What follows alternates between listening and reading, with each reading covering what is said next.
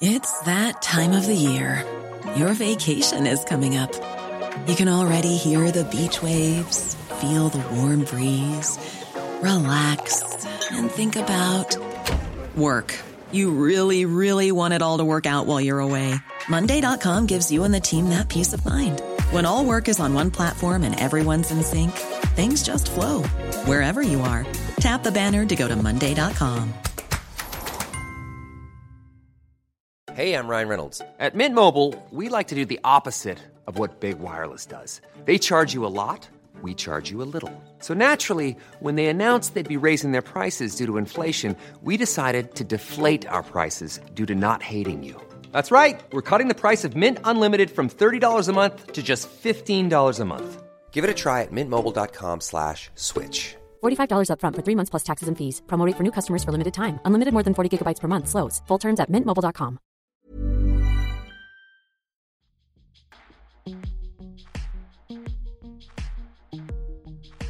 Välkommen till eh, Brottsofferpodden. Idag träffar vi en tjej som var 21 år gammal när hon blev ett brottsoffer. Vid den tidpunkten jobbade hon i en butik och det var snart dags för stängning. Det hon inte visste den här kvällen var att det som snart kommer ske kommer ändra hela hennes liv. Hör hur hon berättar med egna ord om vad som hände i detta avsnitt. Och som vanligt så är det Joakim Lindén som intervjuar.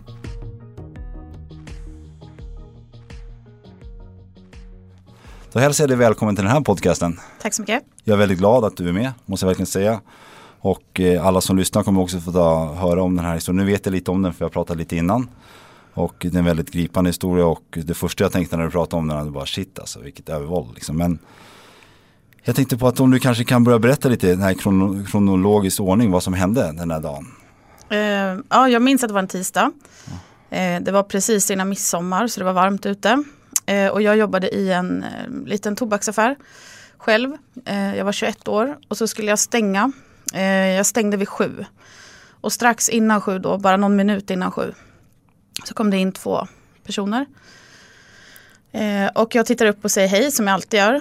Och då får jag en knytnäve mitt i ansiktet.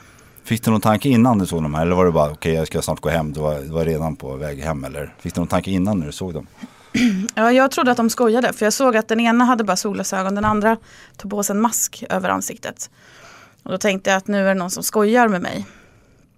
Eh, och, men när jag fick den här smällen så tänkte jag att det här var ju ingen roligt skoj. Det var ett ganska dåligt skämt. För jag hörde hur det krasade liksom i käken. Eh, och sen den andra då, han som tog på sig masken, han gick runt mig och satte på, eller satte på mig handbojor bakom min rygg. Sa Så. de någonting under tiden? Eller du fick en smäll och de direkt började dra fram handbojor? Ja. Eh, och när jag satt fast då med händerna så tog den andra upp en pistol och tryckte i min tinning. Vad får du för tankar där? Eh, min kropp eh, stänger av där. För då förstår jag att så här, det här är inte bra. Eh, så att min kropp tror jag, ställer in sig på att dö för att den stänger av alla funktioner. Så att jag typ kissar på mig. Eh, och eh, bara liksom ger upp känns det som. Eh, och då tänker jag att så här, nej men gud. Jag måste tänka på att det finns ett sen. Eh, så att när jag stod där med mina, de, höll, de tog ju bak mig och fortsatte att misshandla mig väldigt rejält. Förstod du vad det här var? Liksom, det var om de tar dig bak, de börjar misshandla dig. Du, är på en, du kopplar det som en misshandel, som ett rån eller var du bara helt avstängd? Och... Alltså jag var chockad var jag, jättechockad. Och jag försökte att bara så spela med och inte göra något motstånd. Utan tänka på hur jag skulle kunna ta mig därifrån.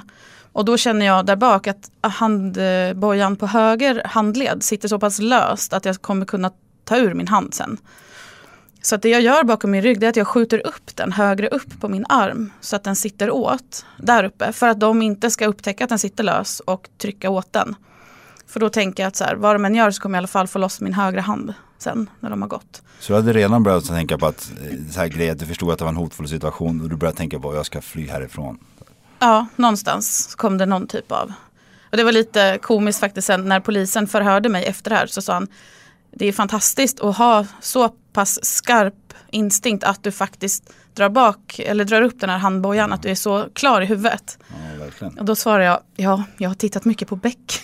Ja, du ser, det var bra. Därför. Ja, nej, men eh, sen så innan de ska gå, de tar min privata mobiltelefon. Eh, de tog inte mina hemnycklar men de tog min telefon. Eh, för jag bodde i samma hus som det här hände, en trappa upp bara. Så att, eh, det var rätt skönt att de inte tog nycklarna. Och sen så eh, la de, innan de gick, eh, så var det en utav dem, det var väldigt trångt där bak, som kedjade fast mig i eh, toaletten. Eh, butikens toalett. Med ett par handbojor till.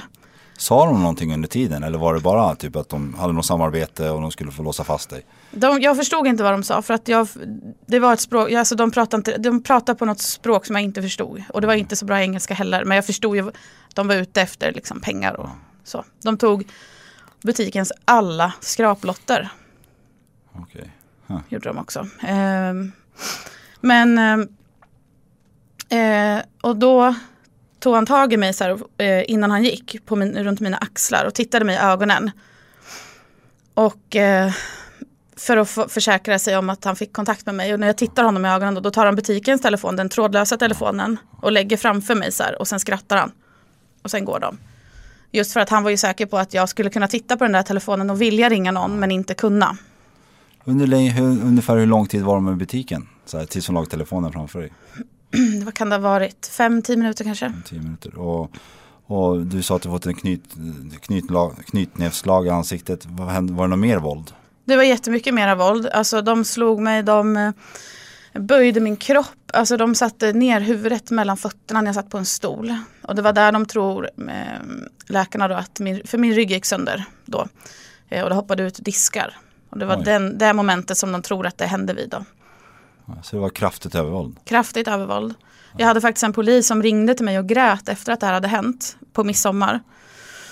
Eh, och sa att jag ringer och hela kårens vägnar. Det här är det grövsta överfallet, rånet som vi har haft i den här stan.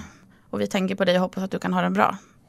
Jag förstod inte riktigt då vad det innebar för jag tyckte att han överdrev. Men jag kunde ju inte ens klä på mig själv så att jag var ju jättesvårt skadad. Vi vet att, fick du några tankar under hela den här typ, våldsamma situationen att du var beredd att ge upp eller var det så här överlevnadssituationen blev, eh, eh, kraften blev starkare och starkare? Minns du någonting från det? Ja, alltså, men jag tänkte hela tiden på ett sen. Vad ska jag göra sen? Och när de hade gått, för det fanns ju en liten så plinga i dörren. Så att när jag hörde att de hade gått, då tog jag ur min högra hand och tog upp telefonen och ringde till SOS Alarm. Eh, och sa bara att jag tror att jag har blivit rånad. Jag, tror behöver det. hjälp att komma härifrån i alla fall. Sa jag då. Du var fortfarande i chock där. Ja, det var jag. Jag var jättechockad och det tog ganska lång tid innan jag kände av smärtan till exempel. Det tog två dagar ungefär innan jag började känna hur ont jag hade i kroppen. För att den var så chockad. Så att den var ganska avstängd.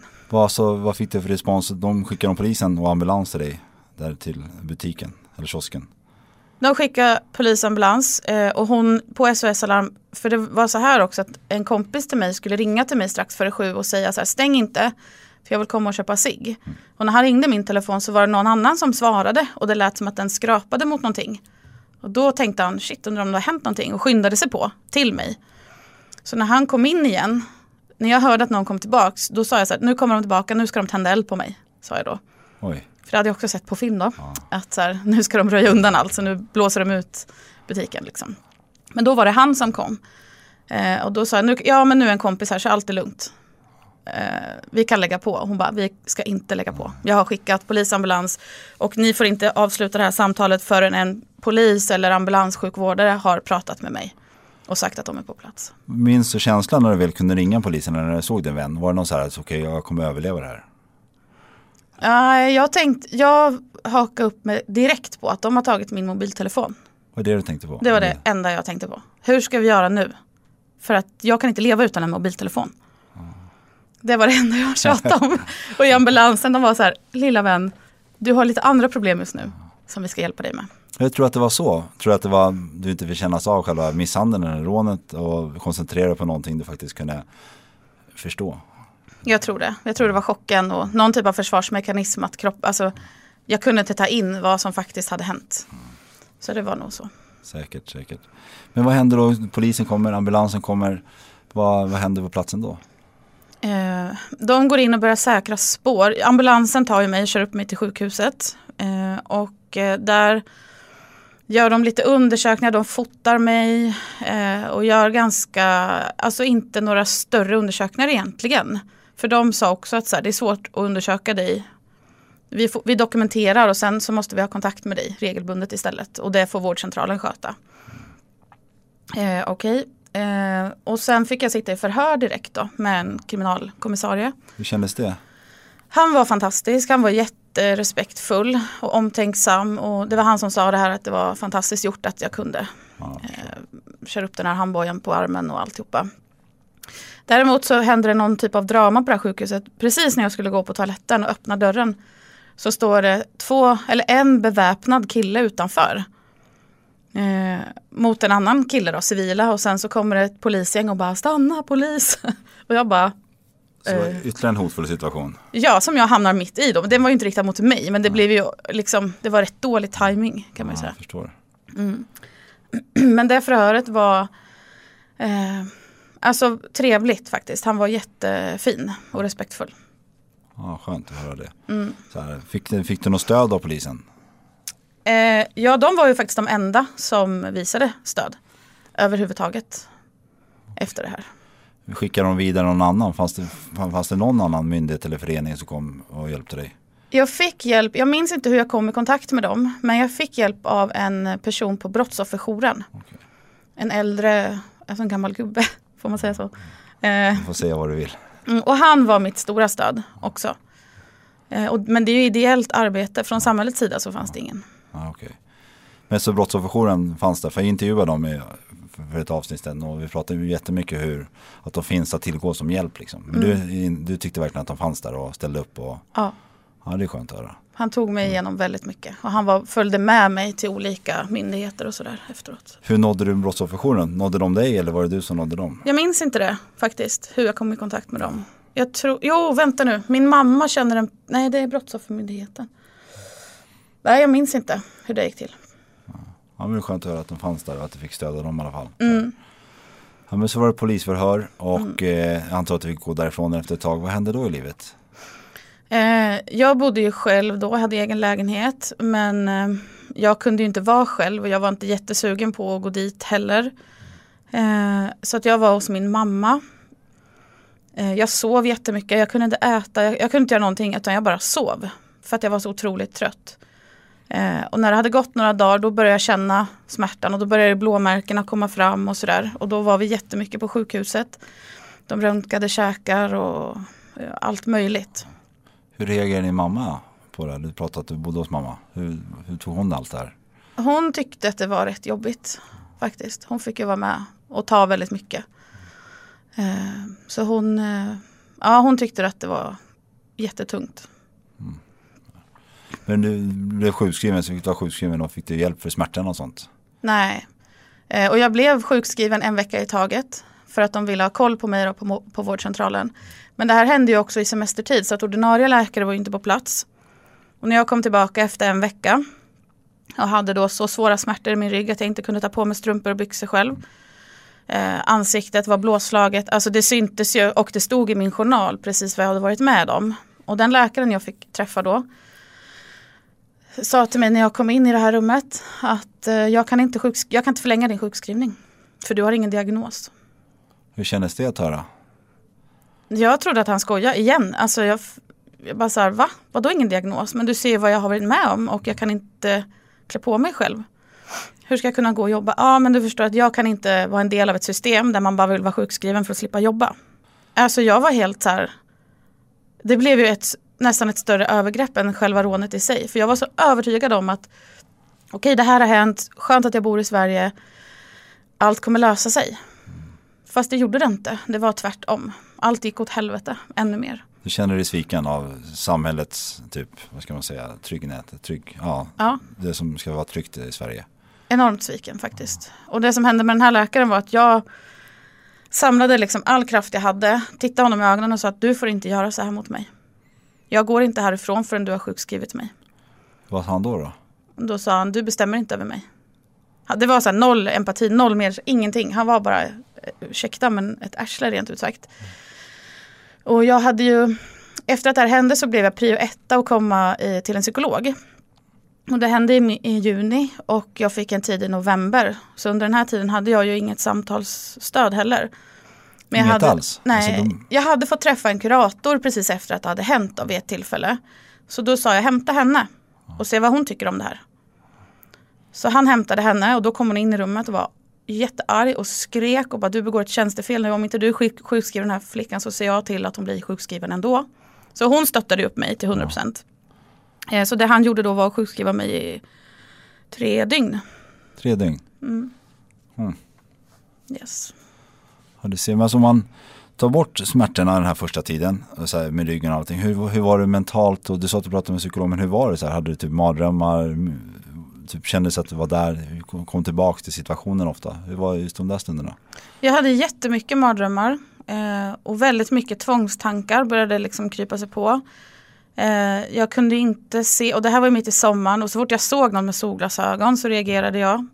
I och med att den ena hade haft på sig solglasögon. Det tog många år innan jag slutade reagera på solglasögon.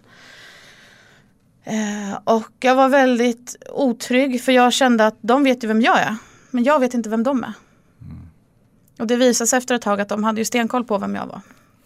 Och jag visste aldrig vilka de var. Ja, intressant att du går in på det där liksom. Du säger att de vet vem du var. Så här, du- var hos polisen och gjorde en polisanmälan. Hur gick det med den biten? Eh, det var inte jag som gjorde anmälan. Jag antar att det bara blev en automatisk anmälan. Eh, och de eh, hade ju lite span på de här som jag förstod det. Och de var redan utvisade från Sverige då för att de hade begått andra brott. Eh, det var faktiskt en polis som gjorde bort sig lite. Han ringde till mig och sa att jag är så himla glad att du lever, att du klarar dig.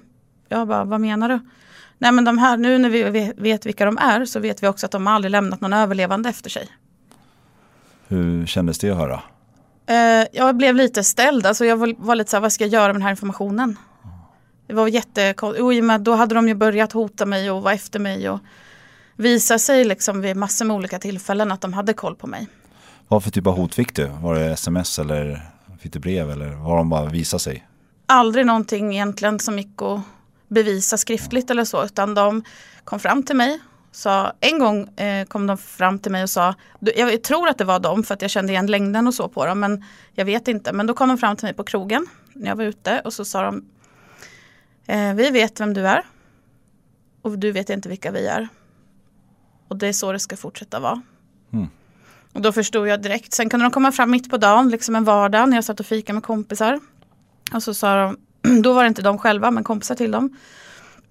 Att eh, vi vet vem du är och det här har hänt och blir det en rättegång så håller du käften. Mm. Och nu vet vi vilka ni är också. Så nu är det liksom ert ansvar också att se till att hon håller käften. Så det blev en större hotbild, hotbild utöver dig till och med. Ja. Och sen hade polisen sagt det där att de brukar, ja, vad ska man säga, mörda sina offer. Så här. Och kände du dig jätteotrygg kring det att de skulle komma tillbaks? ja alltså just, ja det gjorde jag. Alltså jag var ju sjukt rädd och jag blev ju expert på att skanna min omgivning. Alltså jag kände mig som en FBI-agent ibland för att jag hade stenkoll. Jag visste exakt vem som satt var, när någon tittade på mig. Jag hade koll bakåt, framåt, sidorna. Jag kunde pricka ut exakt så här, om en bil hade förföljt mig eller om en bil hade stått för länge på ett ställe med en person i. Jag blev ju jätteparanoid och jag hade verkligen stenkoll på min omgivning. För att de var där, men jag visste aldrig vart och jag visste aldrig vad som skulle hända. Men kom polisen med någon information om att de hade gått eh, framåt i utredningen eller sa de vi, har, vi hittar dem inte så vi kan inte göra någonting. De var på rymmen bara. Ja, det som hände var att pressen gick ut med att de här, för det här blev väldigt stort i media. Eh, och då gick media ut och berättade att polisen har identifierat dem och att de är anhållna i sin frånvaro. Och då sa det bara poff så var de spårlöst borta. Och sen dess har jag inte hört någonting. Ingenting. Det kanske är skönt det då. Så här. Det är synd att de inte har fått sitt straff. Jag antar att de inte fick det heller. Inte vad jag vet. Eh, men idag, jag känner inte att jag kommer aldrig sätta mig i rättegång mot de här människorna. Aldrig.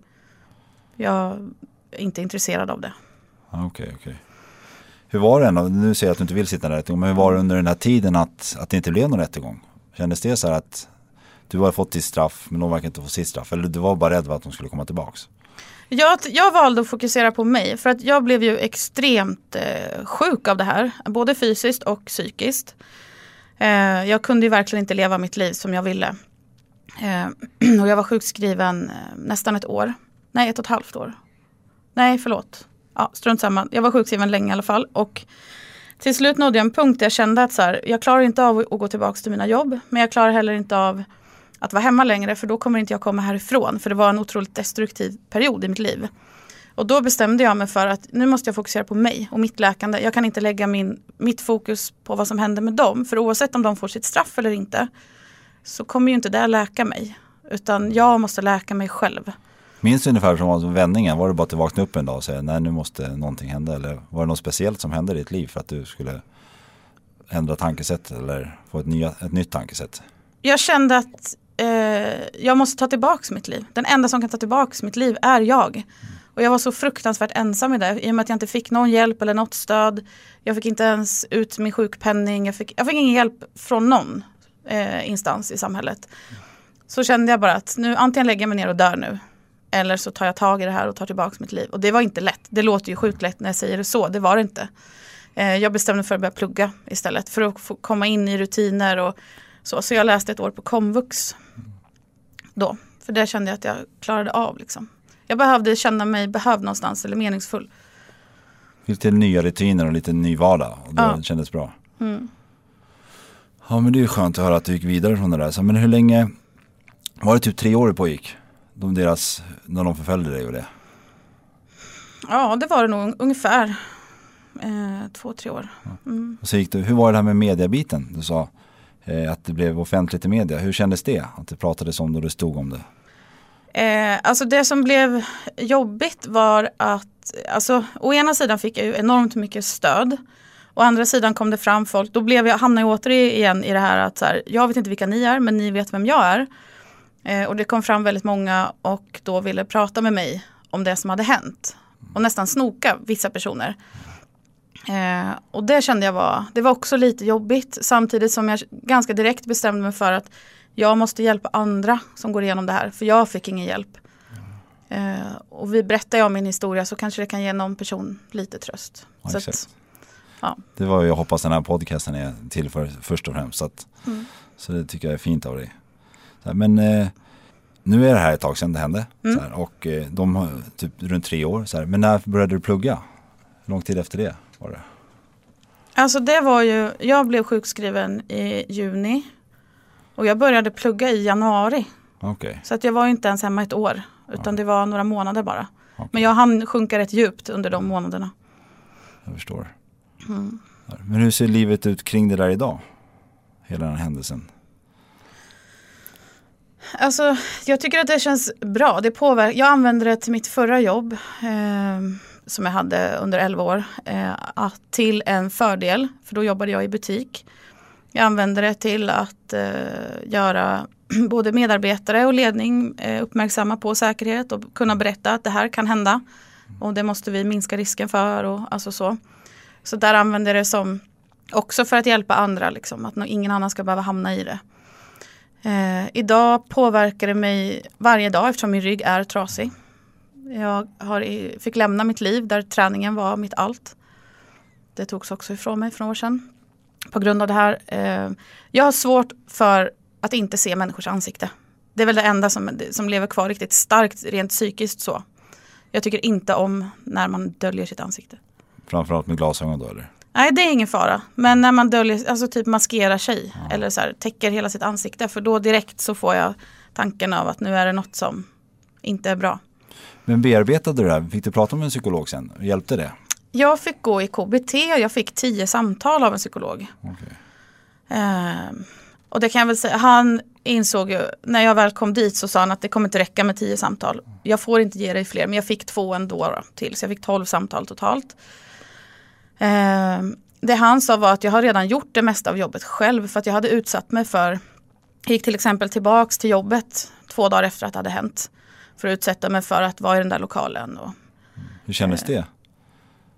det var jobbigt. Var det. det var jättejobbigt.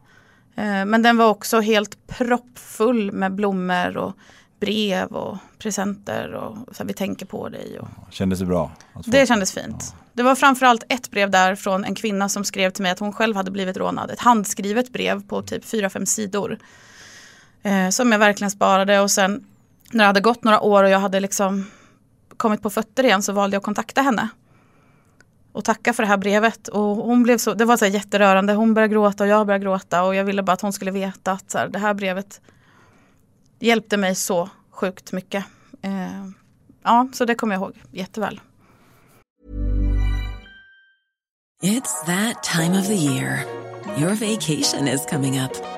You can already hear the beach waves, feel the warm breeze, relax and think about work. You really, really want it all to work out while you're away.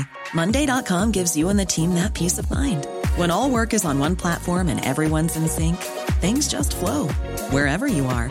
Tap the banner to go to Monday.com.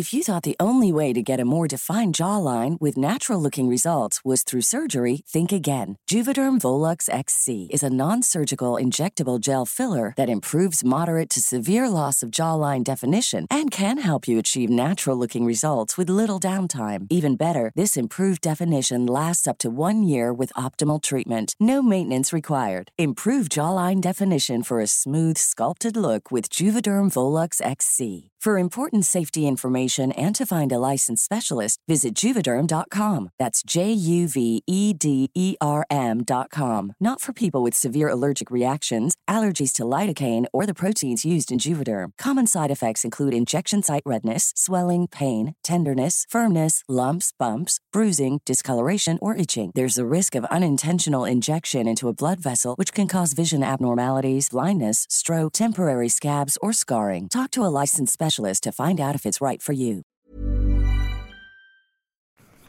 Skönt. Eh, men vi föreställer vad, nu gav vi hon dig hopp. Eh, Liksom om, du, om du skulle träffa någon annan idag som varit med om samma situation, vad skulle du säga till de personerna? Eller den personen? Ge inte upp. Inte upp. Nej. Vad är det mesta man ska tänka på i en sån situation? Eh, ta den hjälpen som erbjuds för att samhället kommer inte finnas där. Man kommer inte få någon hjälp eller stöttning av varken Brottsoffermyndigheten eller eh, Försäkringskassan eller vad det nu än är. Den hjälpen man får, den får man av medmänniskor som jobbar med sitt hjärta. Vad tror du att det är så för? Är det någonting som missas av samhället eller är det bara att det bara glöms bort? För att det är väldigt många som blir utsatta. Det känns som att eh, alla resurser läggs på de som begår brotten. Det är de som får terapi och de ska ha en andra chans och de ska tillbaka till samhället. Det är jättefint men alltså deras offer har ju inte valt att utsättas för brotten. De har valt att begå brotten. Då kanske man ska fördela resurserna lite annorlunda. Ja, det är en jätteintressant fråga. Jag tyckte det var ett jättebra svar också av det. Är många som blir utsatta vittnar om att de känner sig skyldiga och känner stor skam. Hur ser du och känner du kring det? Mm, nej det gjorde jag inte i det här fallet. Nej, det gjorde jag inte. Däremot så kände jag mig ju värdelös. Alltså jag fick ju inte ens skadestånd till exempel från Brottsoffermyndigheten. Eh, Sa de varför? Var det för att det inte blev någon rättegång eller dom? Eller? Mm, eh, för att man ska få ehm, ett eh, skadestånd utbetalt så måste en dom ha fallit, alltså det måste ha varit rättegång och de ska ha fått en dom. Eller så ska utredningen läggas ner. Och i mitt fall så var det ju så att de har ju antagligen stuckit från Sverige. Eh, så att det kommer aldrig bli någon rättegång. Eh, plus att, eh, och sen det andra då eh, är ju att de kommer aldrig lägga ner utredningen i och med att de har identifierat gärningsmännen. Aha. Så då lägger man aldrig ner utredningen utan då är den, eh, även om man inte bedriver aktiv spaning så lägger man inte ner utredningen. Och då blev jag helt paff och bara, men ska mitt, min rätt till skadestånd påverkas av dem igen? Ska de få ta det också ifrån mig? Det är ju jättekonstigt. Och där fick jag hjälp av media då, för då började media skriva om det. Eh, jag kontaktade dem då. Eh, och de fick då Brottsoffermyndigheten att göra ett undantag. Så att jag fick efter mycket om och men ett skadestånd eh, utbetalt. Men det var också ett skämt, jag kunde ha varit utan de pengarna för det täckte ingenting. Ha. Det, är, det är jättebra att vi pratar om det här. Det här bör ju pratas mer om. Jag önskar att jag kanske får någon från Brottsoffermyndigheten att komma hit och ställa upp i podcasten idag. Absolut. Det skulle vara jätteintressant. Eh, och ju, apropå det här, när eh, podcasten heter Brottsofferpodden. Så här, och just den ena delen är brott, den andra är offer. Liksom, och det är ett ganska starkt ord. Hur känner du kring det ordet? Ordet brottsoffer. Eller just offer framförallt. Hur känner du kring det? Eh, jag tycker att ibland så är man verkligen ett offer och ibland gör man sig själv till ett offer. Eh, jag blev ett brottsoffer i den stunden det här eh, gjordes mot mig. Sen simmade jag omkring rätt länge i offerkoftan. Eh, och tyckte att så här, någon annan skulle rädda mig och ordna upp mitt liv. Eh, men tills jag som sagt insåg att så här, vad jag än har fått utstå så är det faktiskt upp till mig att resa mig upp igen. Så jag tycker att självklart så ska man ju kunna vara ett brottsoffer i, där, när det händer. Och självklart så ska man få hjälp att bearbeta det som har hänt. För det finns ju proffs på det som kan hjälpa människor tillbaka igen. Där brister det lite. Jag tyckte också det var ett jätte, jättebra svar av det. Eh, just det att det finns hjälp att få, man, men då måste man verkligen kämpa eller? Det är inte så att man ska lägga sig på rygg och tro att det kommer till en. Man måste, fastän du har blivit utsatt eller någon har blivit utsatt och kanske förväntar sig att samhället ska komma och servera en massa grejer. Man måste börja ta tag i grejerna själv. Det är det du menar också? Absolut, helt och hållet. Alltså jag kan ju säga så här att, att när jag blev sjukskriven, jag var 21 år när det här hände, blev sjukskriven i juni. Eh, jag tror att det är ganska många 21-åringar med mig som inte har en årslön undansparad på banken för att något sånt här kan hända. Det hade inte jag i alla fall. Eh, och då visade det sig att det var tre månaders handläggningstid på sjukpenning. Eh, och då följde han med mig, den här killen från brottsofferjouren, han följde med mig till Försäkringskassan. Där sitter jag ju då sönderslagen och rätt traumatiserad och de bara säger tyvärr, ingen är viktigare än någon annan. Och det köper jag ju, det är klart att det inte är så. Eh, men eh, det, det, tar tre månader för dig att få dina pengar. Du får lösa det på något annat sätt. Okej, okay. och då, jag vet inte hur man löser sånt för jag har liksom haft pengar innan. Men då ringde jag till socialtjänsten och tänkte så här, de har man ju hört, de finns ju till för att hjälpa människor i ekonomisk utsatthet. Så jag ringer upp dit och berättar min historia. Han som svarar där skrattar åt mig. Och säger att ja, alltså jag förstår situationen du sitter i men vi jobbar ju här, alltså vi hjälper ju människor som behöver hjälp. Du väntar på en inkomst. Visst, vi kan ge dig tre månadslöner nu, eller månadslöner, men du förstår vad jag menar. Eh, men då kommer vi kräva tillbaka dem när du får pengarna från Försäkringskassan. Så du får ju välja om du ska vara utan pengar nu eller sen. Mm. Eh, Okej. Okay. Så dörren var liksom stängd. Jag förstår. Eh, men jag hade sån himla tur att min mamma har det gott ställt så hon kunde gå in och hjälpa mig. Eh, hade hon inte funnits och kunnat hjälpa mig så hade jag inte levt idag. Hmm. Det låter jättetrist att höra att det ska vara så. Mm. Ja, du ser. Alltså, en av frågorna jag brukar ställa är så här, hur har din syn på samhället förändrats efter och innan? Här, men det låter som att den är ganska förändrad. Den är jätteförändrad. Alltså jag ser med sorg på hur det här samhället bara har fallerat totalt. Jag har sett Sverige som ett iland väldigt länge men eh, när det gäller just att ta hand om eh, alltså, brottsoffer eller skola, sjukvård, allting så har det blivit ett uland faktiskt. Mm. Det är också ett jätteintressant ämne man borde belysa mer och kolla varför det har blivit så. Mm. Jag önskar att jag hade svaren, tyvärr har jag inte någon. Liksom, men... Inte jag heller. Man kan prata länge om det. Ja. Men om vi säger att om du fick gå tillbaks nu till då det hände, eller strax efter det hände. Inte just händelsen men strax efter. Vad skulle du vilja säga till dig själv då? Du sa att du skulle säga till någon annan, ge inte upp. Så men finns det några saker du skulle vilja säga till dig själv också? Ja, alltså jag skulle säga eh, gör inte de valen du kommer göra om, om ett tag. Utan eh, försök att eh, få hjälp. Eh, sluta inte be om hjälp. För jag försökte hjälpa mig själv.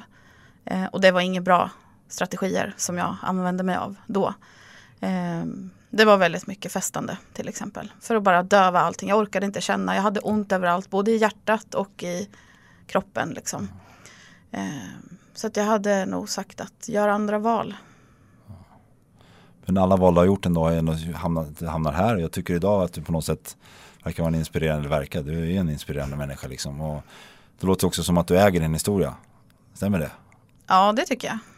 Jag kan prata om det nu ja. utan att bli liksom varken arg eller ledsen. Utan mer, jag känner mig mer liksom, eh, konkret i det. Och jag tycker inte att det är jobbigt att prata om det. Och jag vet att jag har hjälpt andra genom att själv vara öppen med det. Så att då blir det, det har ju också varit en form av terapi. Ju mer jag pratar om det, desto mer bearbetar jag det. Nu sa du alldeles nyss också att du inte skulle hamna i rättegång med de här personerna. Men mm. om vi leker med tanken att jag var bägge förövarna. Nu sitter vi och tittar på varandra. Vad skulle mm. du vilja säga till mig då? Där.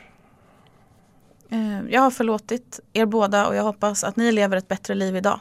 Där ni inte behöver göra de valen som ni gjorde mm. för 15 år sedan.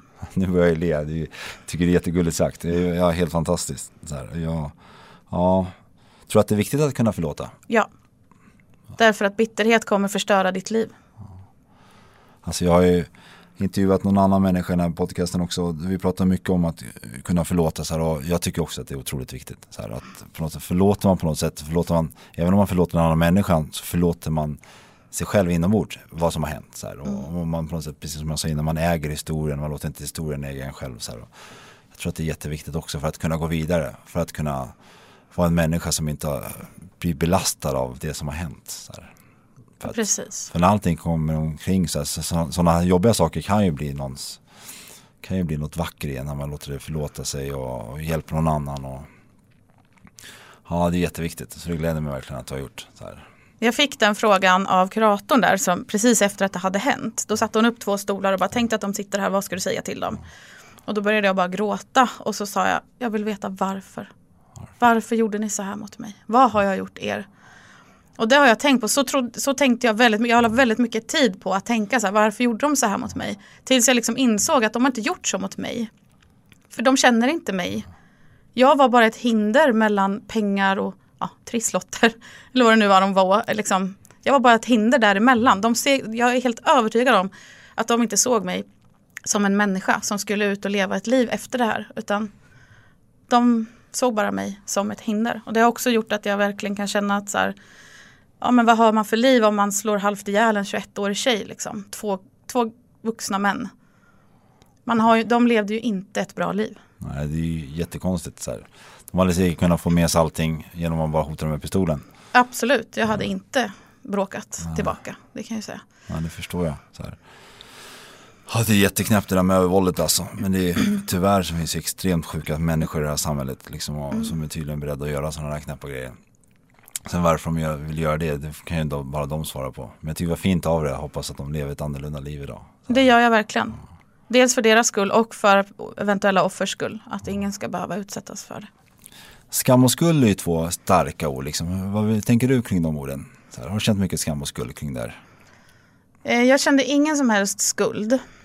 Däremot kände jag väldigt mycket skam. Jag kände skam över att jag inte kunde gå ut och leva mitt liv igen. Skam över att jag inte tog tag i mitt liv. Skam över att jag var ute och drack för mycket alkohol. Eh, umgicks med människor som kanske inte var jättebra för mig. Eh, skam över mina tvångstankar.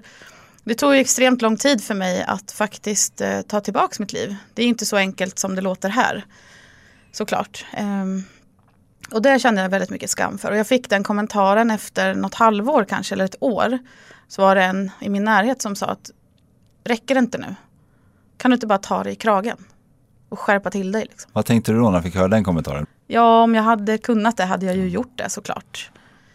Lite så, man kan inte skratta sig ur en depression. Nej, det går inte. Nej, det går inte. Och det var så mycket som satt kvar, både fysiskt och psykiskt, att jag var så sjukt, jag var rädd. Eh, Jag hade alltid koll som sagt vad som än hände runt omkring mig på stan och vem som gjorde vad. Och varje gång när jag kom hem så var jag tvungen att kolla minsta lilla vrå, tända alla lampor, ha någon i telefonen, för om det händer någonting, om det är någon här, ring 112. Alltså det kunde ta två timmar för mig från att jag kom hem tills att jag kunde sätta mig ner och koppla av för att jag var tvungen att kontrollera allting. Hur länge pågick det? Ett par år. Par år till och med. Ja.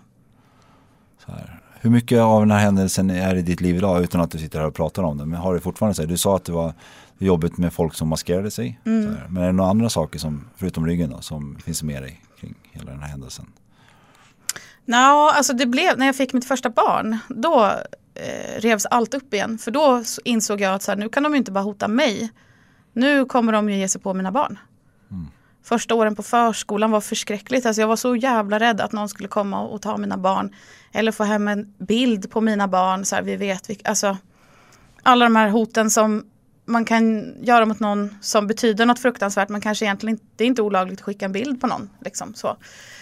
Eh, så då revs det upp igen jättemycket. Och jag hoppades ju där när det hade gått tio år att de skulle preskribera det.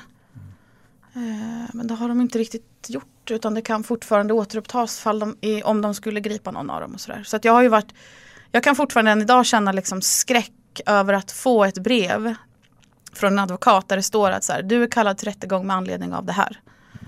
För jag vet inte vart jag ska vända mig då, för då vill jag bara förmedla att så här, ni behöver inte hota mig, jag gör som ni vill ändå. Hade du kontakt, hur länge hade du kontakt med polisen kring det här? När slutade de höra av sig? Men de hörde bara av sig precis i början. Eh, sen hade jag hade ju lite kontakt med den här kriminalkommissarien för så kompletterande förhör och sådär. Och lite om hur det gick. Och han fick skriva ett intyg där till Brottsoffermyndigheten om att för att de skulle betala ut skadeståndet och sådär. Eh, men sen har det inte varit någon mer poliskontakt. Åklagare inget heller? Nej. Ingenting. Så alltså, om man lyssnar på det när du berättat det, då har polisen varit jättetrevliga. Men resten av myndigheterna har typ, ja, de har mycket att förbättra. Oh ja. Men brottsofferjouren har varit ett enormt bra stöd. Ja. Så som, om folk lyssnar på det här så glöm inte bort, bort brottsofferjouren, de finns där. Absolut. Jag har faktiskt försökt jobba själv, eller jobbat själv inom brottsofferjouren efter det här i en annan stad. Men eh, sen flyttade vi därifrån och flyttade dit vi bor nu och då har jag inte fått någon kontakt riktigt. Eh, så nu har jag inte kunnat fortsätta det arbetet. Men som sagt, de, är, de hjälpte mig jättemycket. Mm, skönt att höra. Den psykiska hälsan idag då? Hur är den? jo men det, jag skulle nog säga att jag mår bra. Det är just det här att eh, när jag ser någon som har täckt sitt ansikte. Du vet om man går in på en mack till exempel, det har hänt flera gånger och så kommer in någon i mc-ställ och så har de hjälm och visir. Mm. Då vill jag bara springa därifrån direkt. Jag får liksom, alltså instinkten går före min, eh, liksom, vad heter det, min eh, förmåga att kunna fatta ett rationellt beslut. Jag förstår. Eh, ja men just, och jag har mött, jag tycker inte om halloween. Alls, det värsta jag vet. Ja, då är alla utklädda och maskerade. Ja. Mm. Och jag tror inte, alltså det finns inget ont i det. Det är ingen som klär ut sig för att knivmörda mig. Jag vet det, rent logiskt. Men jag reagerar. Mm. Och jag tycker att det är jätteläskigt. Det var, jag mötte en kille en gång, han var säkert 18-19 år. Han hade bara en gorillamask på sig. Och han gick efter mig, så förföljde mig lite och så skulle skrämma mig. Och jag höll ju på att bryta ihop. För att jag tålde, jag tålde inte bara. Jag tycker inte att det är kul. Och det har inte han en aning om. Så jag är inte arg på honom överhuvudtaget. Eh, men sådana små oskyldiga situationer, de blir väldigt stora fortfarande, än idag.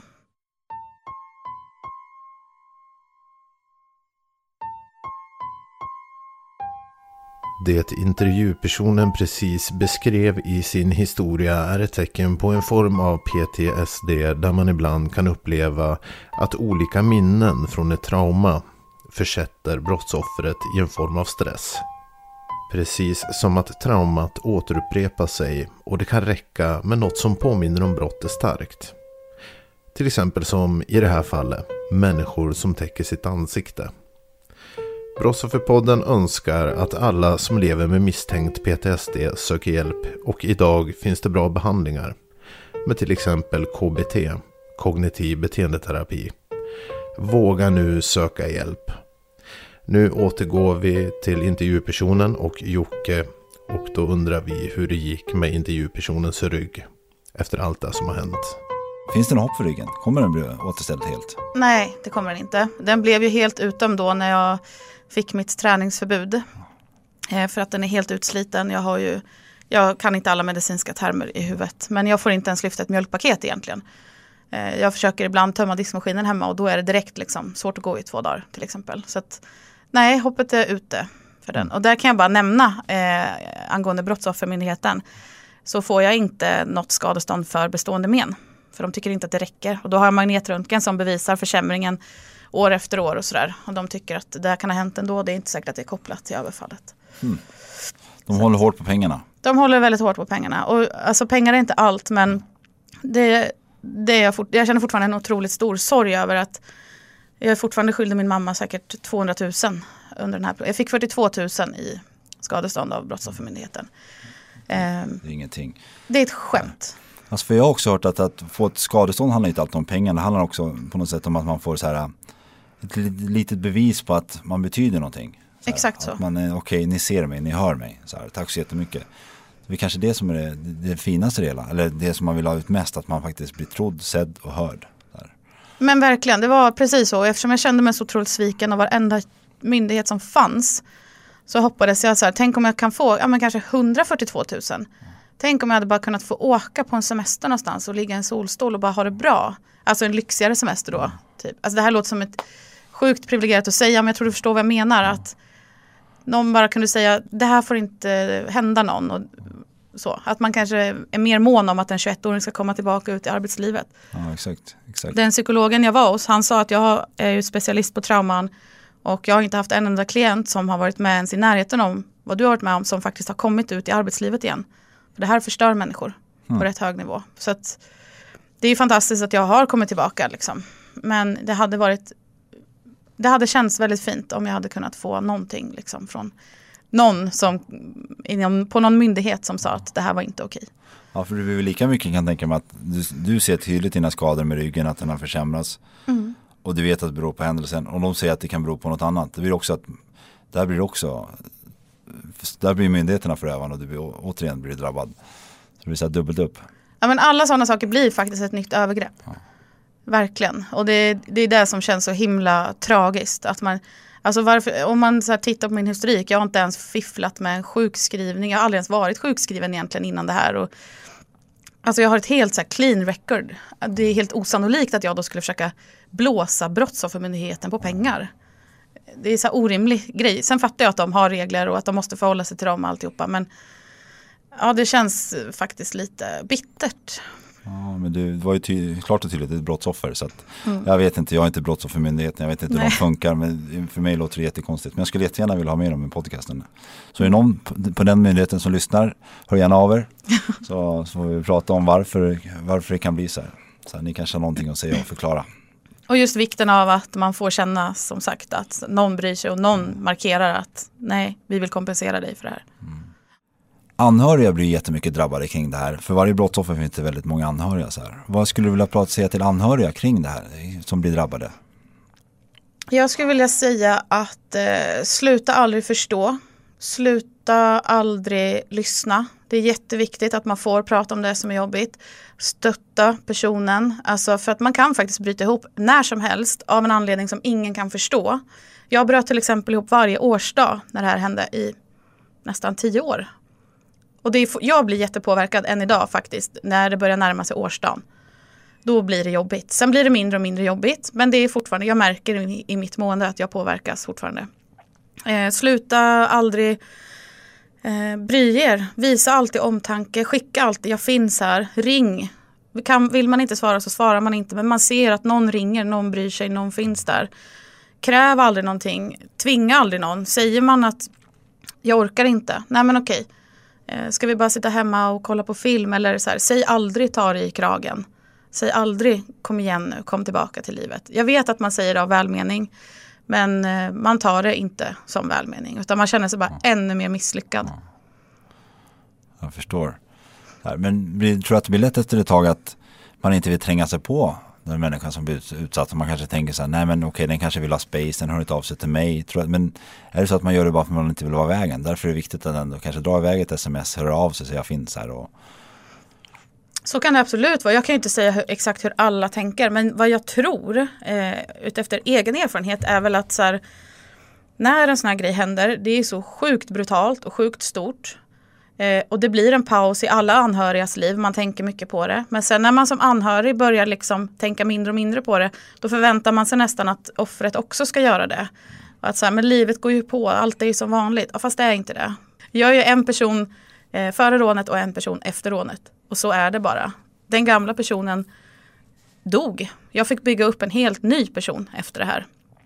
Eh, och det är jag nog inte ensam om.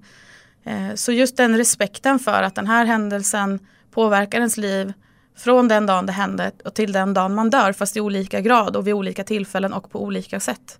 Så visa liksom respekt för det och ha förståelse för det. För att man glömmer aldrig, även om man förlåter och går vidare så kommer man aldrig glömma det. Jag förstår.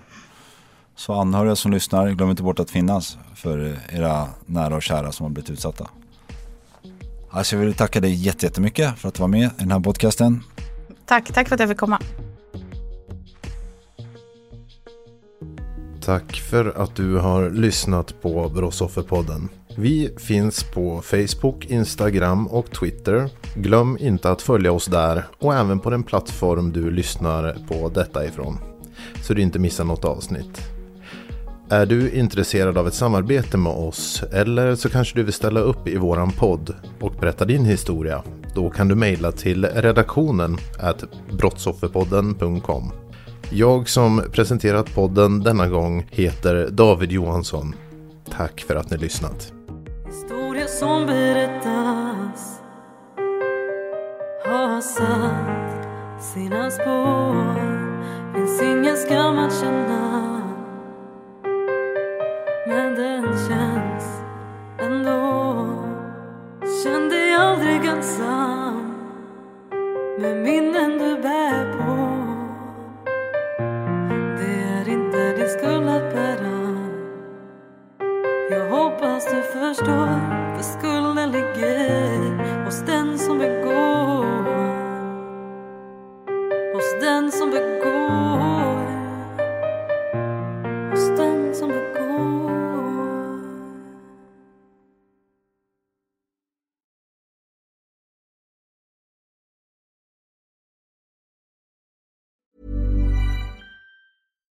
When we're on a budget, we still deserve nice things. Quince is a place to scoop up stunning high-end goods for 50 to 80% less than similar brands. They have buttery soft cashmere sweaters starting at $50, luxurious Italian leather bags, and so much more. Plus, Quince only works with factories that use safe, ethical, and responsible manufacturing. Get the high-end goods you'll love without the high price tag with Quince.